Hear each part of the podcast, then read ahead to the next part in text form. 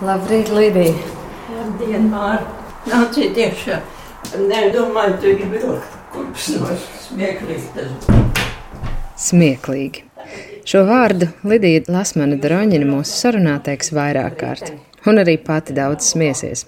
Arī, kad sākšu jautāt, kā tapa Lidijas ziediņa. Man liekas, ka viņi vienkārši draugi ir savākuši visu to. Es jau ļoti daudz esmu runājusi, visi žurnāli piekaisīti ar to veco Lidiju.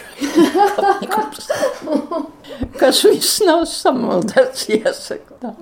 Un varbūt, ka kāds graudiņš kaut kur ir iebirs arī no tās gudrības, ko Dievs man devis. Man pašai taču nekā nav. Ne es pati sevi varu radīt, ne es varu nodzīvot kādu gadu vai vienu elpas vilcienu ievilkt. Es tikai iedomājos, ka man tā gribās. Ja man tas nebūtu dots, tad tas nebūtu. Mēs sēžam pie galda Lidijas gaišajā dzīvoklītī, un vēl pirms sarunas par jauno grāmatu aizrunājamies par citiem, vēl pavisam karstiem šīs vasaras iespaidiem. Visu laiku skatījos tajā televizorā, nosēdēju visus dziesmu svētkus, izdzīvoju līdzi, priecājos līdzi. Jā. Tādi jau nekad laikam nebija bijuši kā šie pēdējie. Lidija klātienē bijusi arī uz 1993. gada dziesmu svētkiem veltītu koncertu, kas ļoti saviļņojas atmiņas par pirmajiem atjaunotās Latvijas dziesmu svētkiem. Un kopā ar Ingu Ābeli apmeklējušas dziesmu svētku garīgās mūzikas koncertu. Inga man vienkārši velk ārā no mājas.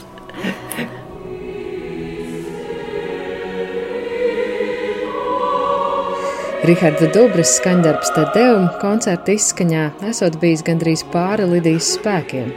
Tas ir Rihards ir traks. Tur tie zvani beigās no visām pusēm. Jā, pilnīgi pastebieni. Jā, bet tas bija brīnišķīgi, tas koncerts bija brīnišķīgi.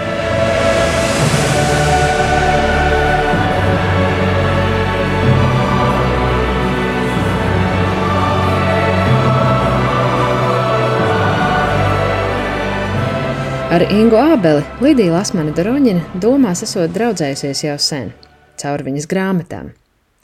Klātienē abas iepazinās pirms septiņiem gadiem, un kopš tā laika bieži kopā brauc uz dažādām Latvijas malām vai vienkārši runājas pie vīna un kūciņām. Ingu Ābeli un gleznotāju Ievu Jurjāni Lidija sauc par savām mazmeitām, jo viņas dzimušas tajā pašā gadā. Es ļoti priecājos, ka viņi ar maniem draudzējās. Es jau saņemu no viņiem vairāk nekā viņi no manis.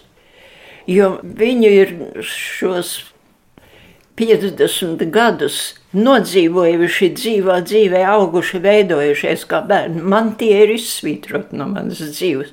Es viņus uzskata, ka nosēdēja cietumā. Kaut gan tikai tur nedaudz no viņiem, kāds 14, cik man tur sanāk. Un, un man ir interesanti, ko viņi par to laiku piedzīvoja, kā tas bija un kam mēs esam gājuši cauri. Kad jautāja, kas Lidijai pašlaik sagādā visvairāk prieka, viņa nekavējoties atbild brīvā Latvija. Vai kādreiz Latvija vēl būs tik laimīga kā tagad? Mums taču netrūks nenieka, paldies Dievam. Daudz kliedz, ka tik daudz kā trūkst. Jā, nu nelaime ir tā, ka mēs ar vien vairāk gribam. Tas mūs sāģ dzīvi. Bet ja to tā pieņem to, ko Dievs dod, tad jau ir labi dzīvot. Pēdējā laikā Lidijai strauji pasliktinājusies redze, un lasīt grāmatas viņa vairs nevar. Arī Ingas Ābels nu pat apkopotos Lidijas ziediņus taču sarunāties ar Lidiju ir kā lasīt šo grāmatu. Ik pa brīdim viņa atšķir kādu atmiņu lapusi un pati sāk stāstīt. Un es piedzimu tādā laikā, kas apmēram līdzinājās šim jaunās brīvības atgūšanas laikā. Kad visi rosījās, mēs esam brīva valsts, es augu tādā mīlošā ģimenē, ticīgā, ar kaimiņiem draudzīgi. Visos tādos kaimiņu talkās mēs gājām viens otram palīgā. Kaimiņiem raka kartupeļus, mēs nemaz bez lūkšanas jau skrējām palīgā. Viņi nemaz nebija pasaukuši vēl. Un tāpat mhm. viņi pie mums viss bija. Man likās tāda mīloša pasaule, mani viss mīlēja. Mans tēvs, mana mamma, svētdienas skolā, visi tie, kas bija ap mani. Mēs svētdienās ar divu zirgu pajūgā braucām uz baznīcu, un tie, kas bija kaimiņi vai mājinieki, tēvam patika tie zirgi, viņu, viņam patika droši vien viņus arī izrādīt citiem. Un mēs tur tā draudzīgi visi braucām un saule debesīs, mežiņš visapkārt, zaļa zālīti, dzīvnieki, visi cilvēki tevi mīl. Es uzaugu tādā gaisotnē. Jā. Tas viss pazūd. Man bija jāpieradz 15 gadu vecumā, ko nozīmē kapitulācija, un, divas tādas varas, kas tev iebrūk un visu to iznīcina. Tādā 15 gadu vecumā jāizšķirās, kur tu paliksi. Paldies Dievam, ka viņš man paturēja te, ko es uzskatu viņa pusē. Līdz ar trim ieslodzījumiem pazudušas arī Lidijas pašas kādreiz rakstītās piezīmes. Līdz šim vienīgā grāmata par viņu bija Baibas Šābertas 2008. gadā izdotā Brīvības cena. Tagad tai pievienojušies Lidijas ziediņi Ingas Ābeles apkopojumā. Un kāpēc Lidijas ziediņi? Tas it kā sakrit ar to laiku, kad iznāca Valža Bisenieka svētā Franciska ziediņa. Valdes Bisenieks bija tulkojis, un tas ļoti tūs arī cilvēks, un šķita kaut tās paralēlas tādas, ka arī Līdija neko nepieraksta. Nu, nekā nav viņai dzīvo kā putns gaisā, kā puķa laukā. Jo taču tajās trīs apcietinājumos viņai visu atņēma, un arī tagad viņai ir īrēts dzīvoklītis un pavisam maz liecības par viņu pašu. Tas kā, kā pieraksta to viņas teikto. Jo šķita arī nu, atbilstoši tā forma, jo arī Francisks ir ārkārtīgi. Viņš runā ar putniem, un, un Lidija runā ar jasmīniem. Ievas dārzā tur tā bilde ir, ka mēs vienreiz tikāmies. Ievas Jurjānas dārzā, jā. Grāmatas sākumā. Un man, jā, ļoti patika, ka viņa aprunājās ar jasmīna koku. Pierakstīt Lidijas stāstu Singai Ābelē gribējies jau ilgāku laiku. Pēdējos gados cieši sadraudzējušās, un reiz kādā braucienā uz kurzemi Lidija sākusi stāstīt tā, ka kļuvusi skaidrs, no atmiņas šo vēlāk nevarēs pierakstīt. Pārāk skaisti un precīzi ir viņas formulējumi. Inga Ābele pārvarējusi kautrību un sākusies lekt diktafonu. Tas izšķirošais laikam bija tāds brīdis, ka es biju iegājis pie viņas ciemos, mazajā struktūra ielas dzīvoklītī, kur vienmēr cilvēks dabū tēju un viņu garšīgi pamielo vienmēr un sirsnīgi uzņem. Lidija tā prot katru cilvēku uzņemt kā ļoti īpašu viesi.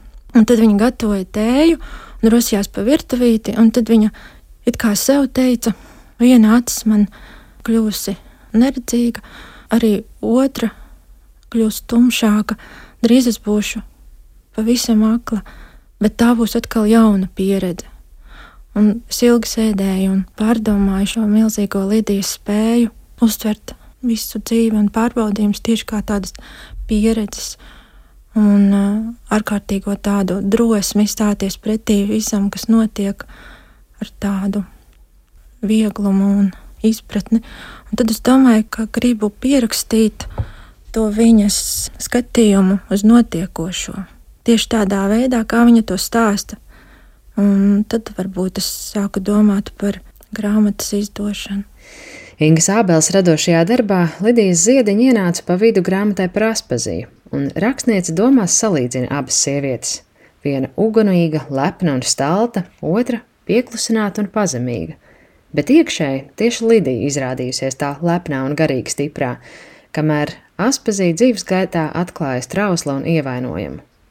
Lidijas atziņas palīdzējušas arī pašai rakstniecei pārdzīvot smagu laiku savā dzīvē, brālim aizejot mūžībā. Lidijā ir kaut kas man šķiet no jaunstrabiņa, kā Baltijā grāmatā, kad it kā tādi stāstīņi par piedzīvoto, bet katrā stāstā ir tāds kā nāzis apslēpts, kas vienkārši te smeldzē savā vienā brīdī aiziet līdz kaulam. Un uh, šo te vieglumu un reizē gaismas pilnos mirkļus, tādus centos it kā notvert. Lai arī grāmata jau iznākusi, to īsti nekad nevarēs pabeigt. Inga Abela atceras, kā ar izdevēju Dācis Parāni un grāmatas mākslinieci Ievu Jurjāni aizvedušas Lidijai Lasmanai Droņinai tikko izdoto grāmatu, un viņa sarunā pavērusi jau atkal citas atmiņu durvis kādam vēl nedzirdētam stāstam pašā sākumā bieži vien tas Lidijas stāstītais par lēģeriem šķita tāds attālināts. Ak, nu ko mums tagad 21. gadsimts, mēs tagad tādi visi tādi apgaismoti un tādi ar izpratni par lietām, un pēkšņi, kad sākās karš Ukrainā, tad es sapratu, ka tas viss, ko Lidija stāstīja, piemēram, par Mortaviju, iegūt tādu realitāti baisu. Jo tas ir kaut kāds tas, ko Lidija stāsta, un visu laiku cenšas eh, pateikt, ir par to domāšanas mehānismu, par to, kas noved pie šīm milzīgajām traģēdijām, kas slēpjas cilvēka pašā būtībā. Tas labais un ļaunais, kas mūždien cīnas. Tā kā Lidija pati vairs savu grāmatu nevar izlasīt, Inga Ābela cer, ka to izdosies ieskaņot. Lidijai ļoti patīkot labi nostādītās aktieru balsis. Tikmēr Lidija Troņina Lasmane par Ingu Ābeli saka, Viņas balss grāmatās ir dzirdama vienmēr. Tas ir nenotverams, tas ir tiešām kaut kas līdzīgs tādam serapam, ko viņa spēja. Viņa jau aiziet līdzi garam, kas viņu nes kaut kur man nesasniedzamā tālumā. Un tad es viņai vienkārši paskrēju līdzi, jo es zinu, ka tas ir kaut kur tur tuvu debesīm un Lidija atceras braucienu gaisa balonā Ingas Ābeles dzīvesbiedra Gunāra Dukšķis vadībā. Es nevarēju iedomāties, ka lidot ir man uzreiz ienācis prātā demons, tā Rubinšteina opera, jā. Ķīha plāvēju v tumāņi, bez ruļāja, bez vetrī. Klusi peldu, miglā, bez stūrs. Latvijas kaut kā praktiski skan bez stūra. Bez vēja un bez dzinēja, bez ruļāja, bez vetrī. Un tiešām, jo vējš to grozu nes un to vēju nejūt. Un tu vienkārši peldi pāri manai mīļajai Latvijai. Un Gunārs vēl tāds zemāk palaiž to grozu, gandrīz vai eglis galu sniedz, un es skaidri redzu visu. To tikai mēs tā garām skrienot, neievērojam un nepadomājam par to, ka mums ir viss skaistākā zeme.